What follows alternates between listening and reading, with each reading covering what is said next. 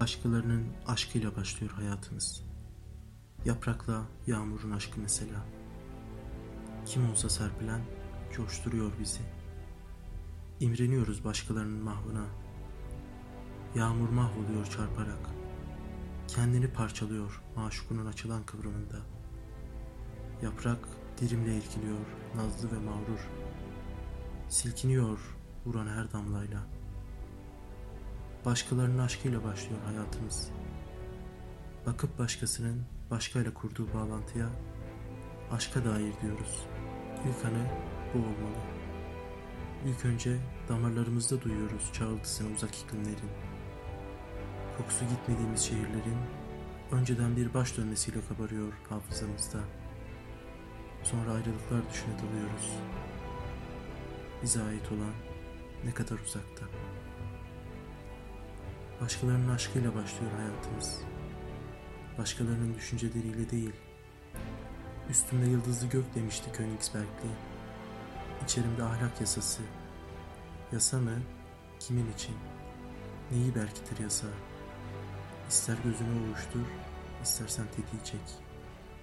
İdam mangasındasın içinde yasa varsa.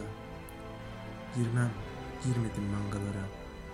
Yar etmedi hala adalet duygusu içimde benim. Çünkü ben ömrümce adle boyun eğdim. Yıldızlı gökten bana soracak olursanız kösnüdüm ona karşı. Onu hep altında istedim. Başkalarının aşkıyla başlıyor hayatımız ve devam ediyor başkalarının hınçlarıyla. Düşmanı gösteriyorlar, ona saldırıyoruz.